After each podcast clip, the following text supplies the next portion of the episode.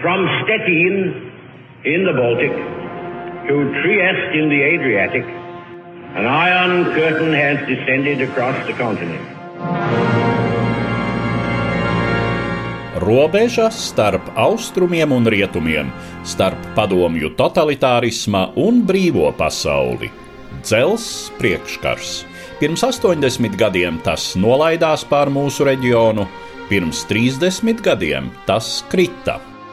They rushed over to us and said, Well, 10 minutes before the wall came down at Bornholmer Straße.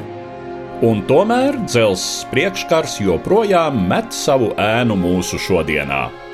Mūsu reģiona valstu vēsture augstā kara laikmetā un pēc padomju totalitārisma sabrukuma raidījumu ciklā Dzelzs priekškara ēnā.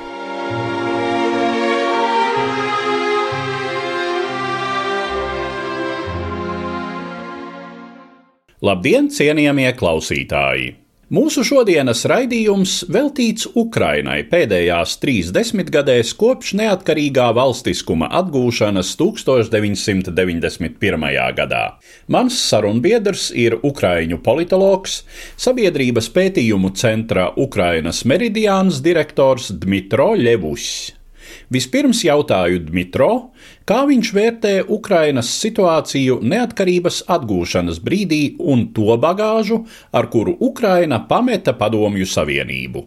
Если говорить о Украине до образца 1990-1991 года, то всегда есть соблазн удариться в сравнение и манипуляции, что обычно, в общем-то, и делают сторонники сближения с Российской Федерацией нынешние, либо просто люди, которые боготворят и обожают Советский Союз, так, ну действительно, да, Вторая республика СССР, да, вторая среди равных. Ja mēs runājam par Ukrajinu 1990. un 91. gadā, tad, protams, vienmēr ir kārdinājums salīdzināt un manipulēt, ko arī dara tuvināšanās ar Krievijas federāciju atbalstītāji vai vienkārši cilvēki, kas apjūsmo un dievina Padomju Savienību. Patiešām, otra spēcīgākā republika PSRS - attīstīt ražošanu, industriāla agrāra ekonomika, attīstīt izglītību, zinātni, lauksaimniecību. Ja ņem vērā koproduktu, tad, starp citu, ļoti bieži pat gudri cilvēki, kas nav komunistiskā režīma un padomju savienības piekritēji, sāk salīdzināt ar Franciju, ar citām Eiropas valstīm un runāt par to, ka redziet, kā mēs to visu pazaudējām. Bet patiesībā viss izskatījās nebūt ne tik labi. Bija problēmas, kas piemīt visai Padomju Savienībai, kuras mēs visi lieliski zinām, kas kopumā arī noved pie šī sabrukuma.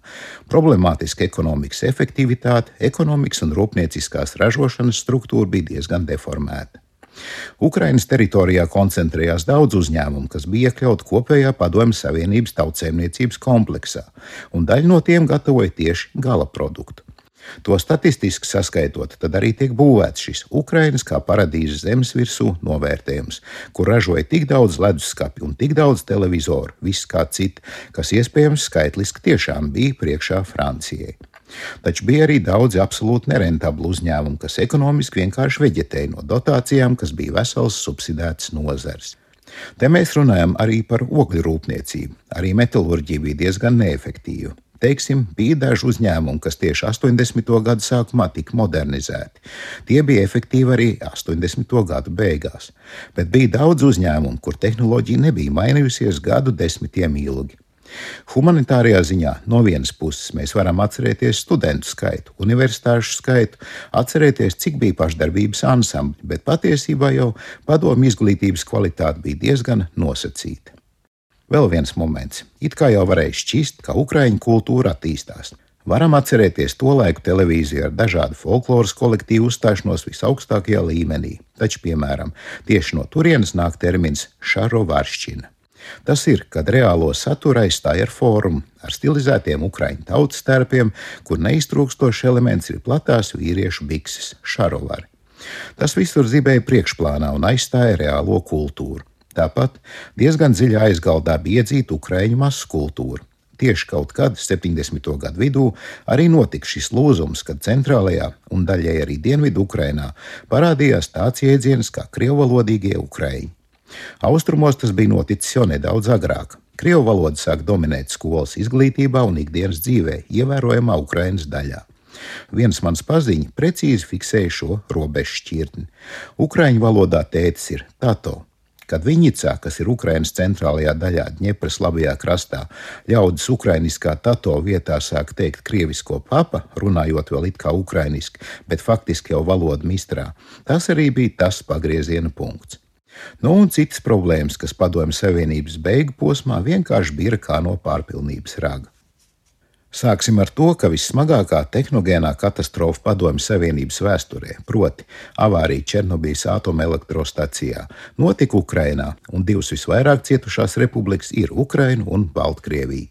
Еще один момент, о котором не говорится, но это достаточно сильное диссидентское и правозащитное движение, которое было, которое было всегда в Украине и которое где-то во многом предопределило движение к независимости. Vēl viens moments, kas parasti netiek pieminēts - diezgan spēcīgā disidentu cilvēktiesība aizstāvi kustība, kas Ukrainā vienmēr pastāvēja, bija spēcīga un kas daudzos aspektos arī noteica virzību uz neatkarību. Lai gan kvantitatīvā ziņā disidentu cīnītāji pret padomu režīmu šajā periodā nebija daudz, bet tieši Ukrainas kustība bija patiešām ļoti organizēta.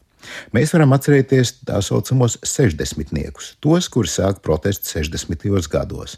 Viņi bija ļoti principiāli. Tas ir dzinieks Vasiljs Stus, kurš nomira cietumā jau perestroikas laikā, 85. gadā. Viņa pārabedīšana Kijavā 89. gadā kļuva par simbolisku un mobilizējošu notikumu, kas savā ziņā parādīja, ka laiks sāk mainīties. 1990. un 91. gadā Gorbačova perestroikas izraisīta izvērtās šī masu aktivitāte, bet nevar teikt, ka 91. gadā Ukrainas masu apziņā bija pilnīga izpratne par to, kādai jābūt neatkarībai. Un laikam jau pats zīmīgākais moments attiecībā uz sabiedrības apziņu bija pirmās neatkarīgās Ukrainas prezidenta vēlēšanas, kas notika vienlaicīgi ar visu Ukrainas referendumu 91. gada 1. decembrī. Referenduma jautājums bija, vai jūs atbalstāt neatkarības deklarāciju. Šajā referendumā piedalījās aptuveni 85% un 90% balsoja par. Pie tam gandrīz visos reģionos šīs procents bija vēl lielāks. Zīmīgi, ka procentos atšķīrās tikai viens Ukraiņas reģions, kaut gan arī tur neatkarības deklarācijas atbalstītāji bija vairākums. Gandrīz 55% par bija Krimā, 57% Sevastopols pilsētā. Tas ir jāteic tas reģions, kurā Krievijas un Krievu kultūras ietekme vienmēr ir bijusi vislielākā. Un tad jau pieminētās vēlēšanas. Pirmo vietu ieņēma Kravčuks, Ukrainas komunistiskās partijas centrāla komitejas pirmais sekretārs un bijušais ideoloģiskais sekretārs. Tikai trīs reģioni nobalsoja par viņa sāncens - disidentu Jačeslavu Černovilu. Tā ir Galīcija, Ļuvovas, Ivano-Frankivskas un Ternopilas apgabali. Tāpēc 90. un 91. gadā humānā un morālā ziņā Rietumu Ukraina patiešām izskatījās nedaudz savādāk. Pārējā Ukrainā tajā laikā masu apziņā nebija tās izpratnes, ko var vērot tagad, ka valsts kopumā tika pakļauta genocīdam. Kaut kur ģimenēs varēja atcerēties sarkano teroru, bet tādas vispārējas izpratnes par to, ka 1920. gadā neatkarīgā Ukrainas Tautas Republika tika sakauta un sākās padomju okupācija, ka pēc tam 33. gadā tika salauzts nācijas mugurkauls, ka tika izmainīta nācijas mentalitāte. Šāda izpratne plašas sabiedrības līmenī toreiz neradās. Bieži salīdzina šīs trīs bijušās Padomju Savienības republikas - Ukrainu, Baltkrieviju un Krievijas federāciju. Un šādā salīdzinājumā šķiet, ka 90. gadu krīze Ukrainā bija salīdzinoši dziļākā. Wikipēdijā es izlasīju tādu kategorisku frāzi, ka Ukrainas elite bija salīdzinoši mazāk motivēta nacionālā valstiskuma uzbūvēi. Vai šādam kategoriskam apgalvojumam ir kāds faktisks pamats? Думаю, что определенный смысл в этой фразе есть. Ну, опять же, что считать кризисом? С экономической точки зрения, да, были достаточно большие проблемы, хотя, например... Es domāju, ka šai frāzei ir zināma jēga. Tiesa gan, ko no ekonomiskā viedokļa uzskata par krīzi. Jā, bija diezgan lielas problēmas, lai gan, piemēram, 90. gadu sākumā, pat vēl kādā 93. gadā tas bija diezgan nosacīti, jo mūsu pauninieki veda pārtiku tirgot uz Maskavu, arī citurien Krievijas federācijā, piemēram, brauc uz Voroņiešu no Harkovas. Respektīvi, no vienas puses augs Ukrainā it kā bija zemāks, bet no otras puses bija iespēja vinēt uz pārtiks cenu, produktu kvalitātes un vispār to pieejamības rēķina. Bet, ja mēs runājam par eliti, tad šajā ziņā tā tiešām izrādījās taisnība, jo vara lielā mērā palika tā pati vecā. Pirmkārt, šeit ir pats pirmais prezidents, bijušais Ukraiņas komunistiskās partijas centrālās komitejas pirmais sekretārs, pirms tam ideoloģijas sekretārs. Tātad cilvēks, kas virzīja šo oficiālo padomi komunistisko ideoloģiju. Protams, apvērsums viņa apziņā nevarēja notikt, un likumsakarīgi, ka PSKP partijas orgānu pārstāvi lielā mērā veidoja jauno varas struktūru. Un vēl viens fenomens. Toreiz ļoti daudz runāja par tā sauktiem sarkanajiem direktoriem. Tas tiešām ir cilvēku korpus, kas izcēlās ar milzīgu ietekmi, milzīgu uzņēmumu direktori, cilvēki, kuriem bieži ir ļoti bagāta dzīves pieredze un visaptvarošs dzīves skatījums, komplekss redzējums, bet arī ļoti saudabīgs. Nu, piemēram, ogļu rūpniecībā kādas lielas apvienības, teiksim, Šahķors Kūgoļa ģenerāldirektors. Viņa pakļautībā ir vairāku raktuvi komplekss, arī bagātināšanas rūpnīcas, arī transporta uzņēmums. Šie sarkanie direktori līdz ar partijas nomenklatūras pārstāvjiem palika pie varas. Un tieši no sarkano direktoru vidus šajos krīzes apstākļos nāca otrais Ukraiņas prezidents Leonīds Kučma.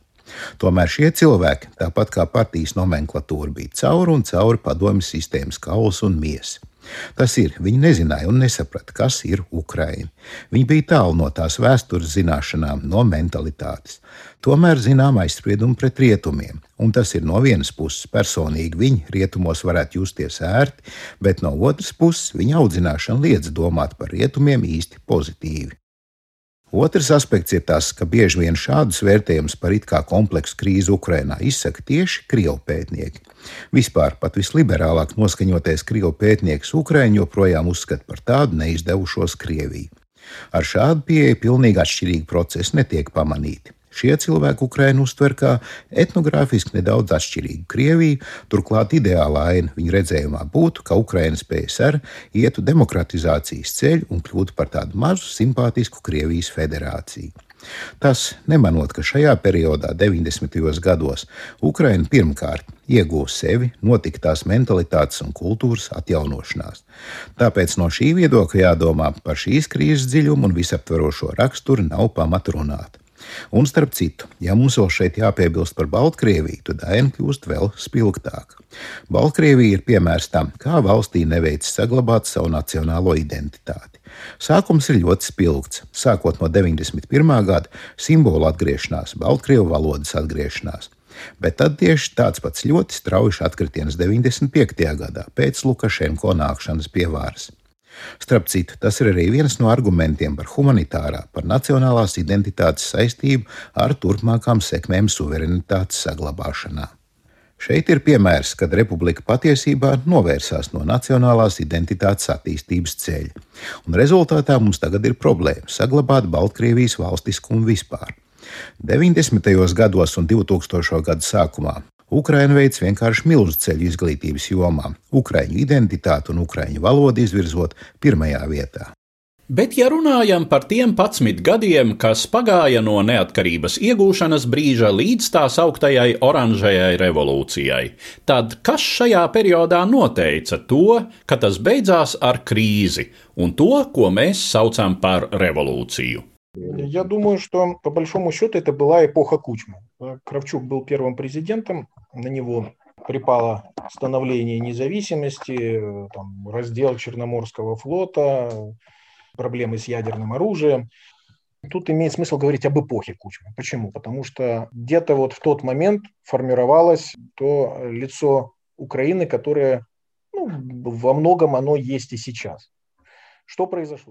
Es domāju, ka kopumā tas bija Kučmas laikmets. Kravčuks bija pirmais prezidents. Viņam kontā ir neatkarības tapšana, Melnās jūras flotes sadalīšana, problēmas ar kodolieročiem. Tomēr ir jēgrunāt par Kučmas laikmetu, jo tajā brīdī veidojās tā Ukrainas seja, kāda daudzos aspektos tā ir arī tagad. Pirmkārt, notika ekonomikas stabilizācija. Ap 97. gadu situācija pārstāja izskatīties nepārprotami negatīva. Un neskatoties uz to, ka pašam kučmam bija, teiksim, noslēdz uz krievu kultūru tādā kiču variantā, šajā laikā humanitārajā jomā norisinājās ļoti interesanti procesi. Tā ir izglītības ukrainizācija. Un arī to projektu parādīšanās, kas bija ļoti interesanti un varēja kļūt par pamatu turpmākajai Ukraiņas etniskuma attīstībai. Ukraiņas televīzijā tolaik parādījās humoristisks projekts Ukrāņu valodā - muzikālais projekts Teritorija A. Tas ir periods, kad tika likti šie pamati, kas gan negūta tālāku attīstību. Kāpēc? Tas jau ir nākamais jautājums. Tieši tas pats kučums laikmets arī faktiski ir Ukraiņas oligarhu ģimeņu veidošanās laiks. No vienas puses, šeit mums ir Pinčuks, kurš ir tā paša kučums znots. Tas ir Kalamojskis, tas ir Ahmetovs. Respektīvi, tas ir noslēgums šim īpašumu sadalīšanas periodam, šo ekonomisko plūsmu noformēšanās un saslēgšanās ar valsts budžetu. Šie cilvēki, kā mēdīju magnāti, nebija interesēti Ukraiņas humanitārā produkta attīstībā. Tāpēc minētie kultūras projekti arī neieņēma pozīcijas, kuras bija pelnījuši. Bet tomēr tie radās un pastāvēja un bija tas, kas neļāva pazust Ukraiņu identitātei un nākotnē kopumā arī pozitīvi ietekmēja cilvēku apziņu un pat daudzos aspektos kalpoja valstiskuma saglabāšanai, jo bez identitātes nevar būt valstiskuma. Šī laikmeta beigas bija savā ziņā traģisks. No vienas puses mums bija sava veida demokrātija, bet tā bija sarkanā direktora stila vadība, kas noveda pie neizbēgamā, pie skandāliem, kas 2000. un 2001. gadā beidzās ar opozīcijas kustību, ko sauc Ukraina bez kučmas, ar masveida sadursmēm, kas kopumā noslēdzās ar Janukoviča nākšanu pie varas. Pirms tam bija tā saucamais Kaļķuga skandāls un žurnālistu Gongadzes slepkavības skandāls. Un, ja par skandālu ar Gongadzes slepkavību ir skaidrs, ka aiz tā slēpjas zināmā mērā spēcdienestu un ārējo faktoru ietekmi, tad Kaļķuga skandāls jau ir absolūti mākslīgi uzpūsts. It kā Ukraina esot pārdevusi radaru sistēmu skaļķu Irākai, kas bija pilnīgi viltot un sadomāta informācija. Bet rezultātā kučma rietumos kļuva par izstumto un zināmā mērā nonāca, pat ja ne ļoti spēcīgā, tad tomēr atkarībā no Krievijas federācijas. Un tad tika izvirzīts pēctecis Janukovičs, cilvēks ar kriminālu pagātni.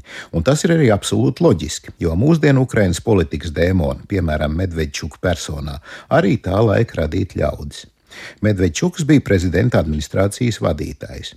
Vēl bija arī tāds Kučmas administrācijas vadītājs Tabačņiks, kurš vēlāk Janukoviča vadībā vadīja izglītības ministriju un nodarbojās ar Ukrainas vēstures piedzīšanu kopsaucējiem ar Krieviju un attiecīgi spiedienu īstenošanu izglītībā. Un vēl jau var pieminēt Lazarenko, kuru pats Kučs uzskatīja par savu kļūdu, kurš bija premjerministrs un kurš tagad sēž mājas arestā Amerikā. Cik es atceros 2004. gadu, tad mēs Baltijā to daudzos aspektos uztvērām ar entuziasmu, ka beidzot Ukraina noteikti pavēršas pirmkārt Eiropas un otrkārt stabilākas pilsoniskās sabiedrības virzienā Kas nogāja greizi tiem spēkiem, kas nāca pie varas oranžajā revolūcijā? Kāpēc Viktora Juščenko un viņa domu biedru pirmām kārtām Jūlijas Timošenko varas periods bija tik īss un noslēdzās ar to, ka faktiski Juščenko, vismaz saskaņā ar statistiku, kļuva par visnemīlētāko prezidentu Ukrainas jaunā valstiskuma vēsturē? Как по мне, проблема как раз во многом возникала в том числе и из-за завышенных э, ожиданий и, как вы правильно было отмечено, э, из-за разнородности команды, которая пришла вместе с Ющенко. То есть Ja man jautātu, es teiktu, ka problēma daudzējādā ziņā radās arī pārāk lielo cerību dēļ, un kā tika pareizi atzīmēts, līdz ar Juščenko pie varas nākušās komandas neviendabīguma dēļ. 2004. gads tiešām bija maidens par virzību uz Eiropu. Tas bija Maidans par patiesību, par taisnīgumu, par godīgām vēlēšanām, par iespēju nezaudēt savu balsi. Noteiktā līmenī arī briesmu izjūta, kas saistījās ar Janukoviču kā tādu simbolisku figūru, kriminālajai videi tuvu aprindu kreatūru. Bet tomēr tieši tas arī noteica to, ka valdīja zināmā mērā paternālistiskas noskaņas, tostarp Maidenā un to cilvēku vidū, kuri stāvēja šajā Maidenā un uzvarēja. Sāk šķist, ka vairs nav jāpūlas, un arī paša Juščenko figūra ir savā ziņā dramatiska. No vienas puses viņš ir profesionāls, banķieris un cilvēks, kas no sirds mīl Ukrainu. Arī sistēmisks cilvēks, kas sistēmu patiešām saprot. Bet cilvēks ne no pareizā laika. Viņš neprat izmantot cilvēku uzticību un enerģiju, kas tobrīd bija. Aktīvisms apsīk pietiekami ātri, jo tas netika pareizi ievirzīts. Turklāt viņš bija pārāk inteliģents, lai ietekmētu pretiniekus.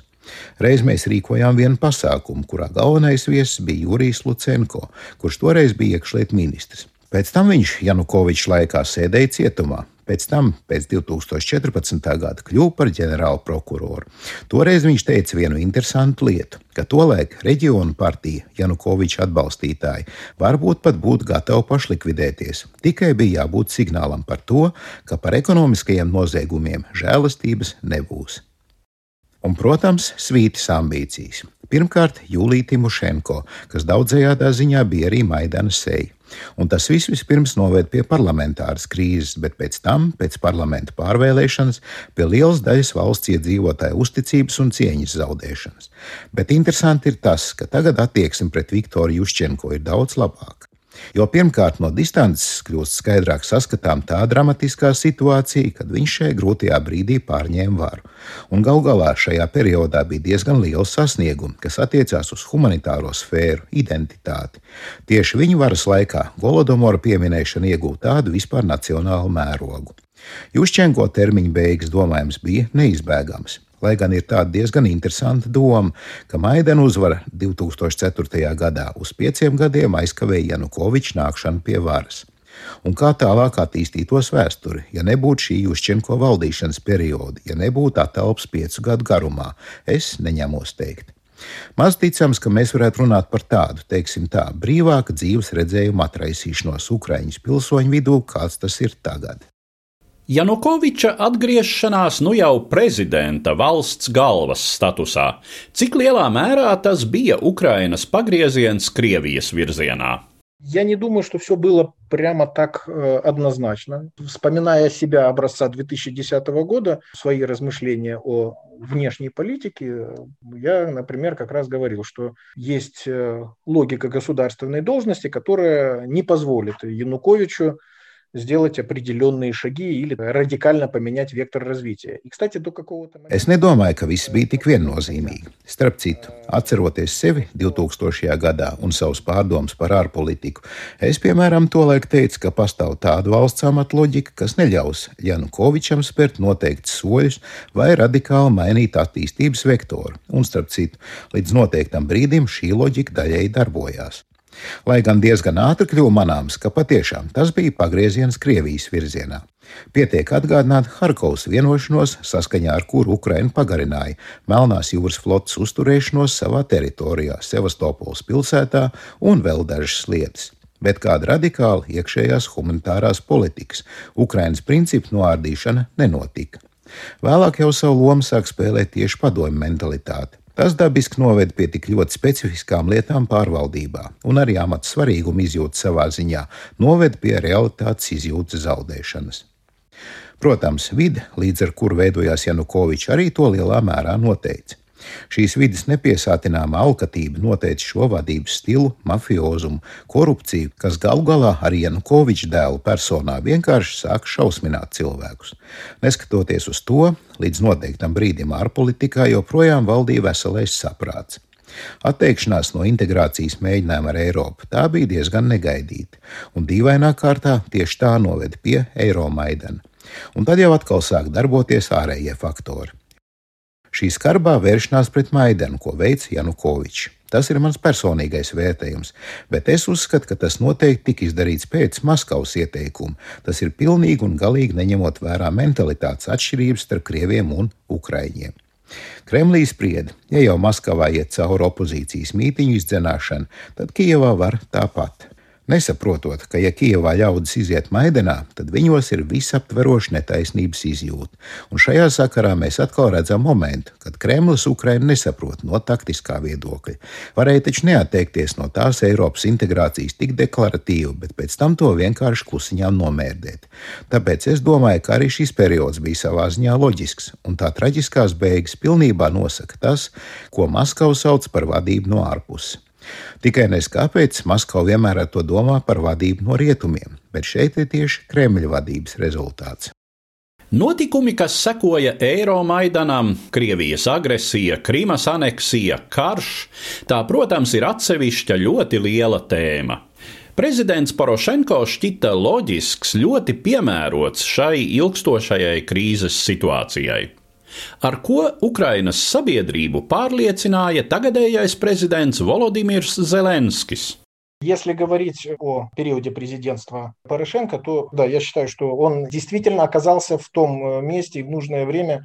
То есть это человек с соответствующим опытом и бизнеса, и успешного бизнеса, причем Ja runājām par Porošenko prezidentūras periodu, tad es uzskatu, ka viņš tiešām bija cilvēks īstajā vietā un laikā. Cilvēks, kuram ir attiecīgi veiksmīga biznesa pieredze, nevis tikai kāda apšaubām oligārha renti. Viņam ir ievērojama darba pieredze un atbilstoša diplomātiskā izglītība. Viņš ir bijis ārlietu ministrs un, kā laimīgā kārtā izrādījās, arī pareizā Ukrainas izjūta garīgā līmenī. Porošenko valdīšanas rezultāts. Viņu vadībā tika apturēta Krievijas agresija un izveidota starptautiska atbalsta koalīcija. Tas pēc kā starp citu tiecās Juščenko, bet viņam neizdevās. Tas ir pabeigt pārēju uz izglītību ukraiņu valodā, un pats galvenais - Ukrainas nepārtrauktības uztvere. Šodienas Ukraina sasaista ar neatkarīgo Ukrainu 1918. un 1920. gadā. Un vēl kultūras renesanse, var teikt, pat eksplozīva. Lai pieminam kaut vai Ukraiņu kino, filmas Tauka, Kiborgi, Ubeles Ligda, Domas manas klusās vadātājs. Tas arī ir nepārprotams Porošenko nopelns. Zelenskis daudzajā ziņā ir mediju produkts, tā skaitā viņu izvirzījušo Ukraiņas oligarhu radīts. Turklāt tas nav tik daudz Zelenska reitings, cik Porošenko antireitings, kas tostarp ar oligarhu mediju palīdzību ir veidots kopš 2016. gada. Un ir zināms, es uzskatu kļūdas, uztverot Ukraiņas pilsoņus kā tādus, kuriem šī Ukraiņu identitātes konstruēšana ir visiem ļoti svarīga. Tas droši vien daļēji tika pārvērtēts. Tomēr ārpolitikā Zeļenskim ir zināma panākuma. Krimas deokupācijas jautājuma aktualizācija, ko neizdarīja vai kam nebija laika Porošenko. Tā ir Krimas platformas prezentācija, starptautiska samita organizēšana, pie tam uzaicinot arī Krievijas federāciju. Līgumisko attiecību veidošana ar Turciju, paredzot militāru tehnisko sadarbību, jūras spēku attīstīšanu. Arī, ja ne alianses, tad katrā ziņā noteikts līguma attiecības ar Lielbritāniju, tostarp kuģibūvu Ukrainas flotei. Identitātes problēma Zeļenskim ir tālu. Tu visu laiku pieskaries Ukrainas identitātes jautājumam. Kā tu vērtē Ukrainas identitātes pašreizējo stāvokli? Я думаю, что украинская идентичность, она действительно до конца сформировалась. В 2014 году Украина доказала, что украинская идентичность это не что-то региональное. Да, есть региональные идентичности, но она действительно существует и объединяет людей.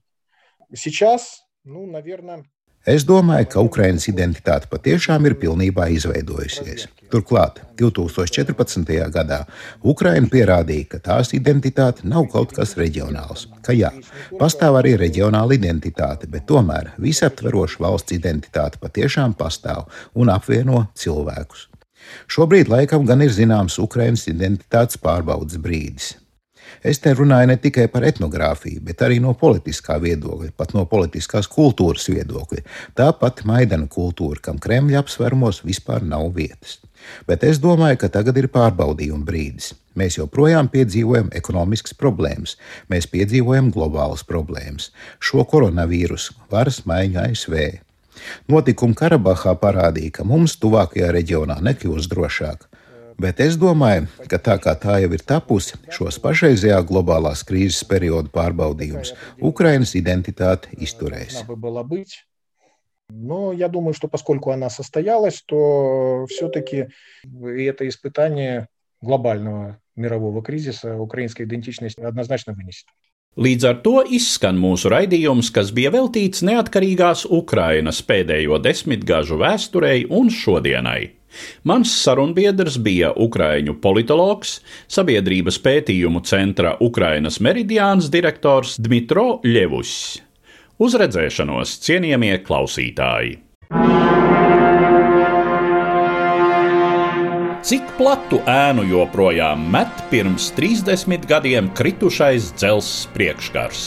Mūsu reģiona valstu vēsture padomju totalitārisma periodā un pēc šīs sistēmas sabrukuma - raidījumu ciklā Dzelzs priekškara ēnā. Katra mēneša pēdējā trešdienā pēc pulksten trijiem pēcpusdienā Latvijas Radio 1.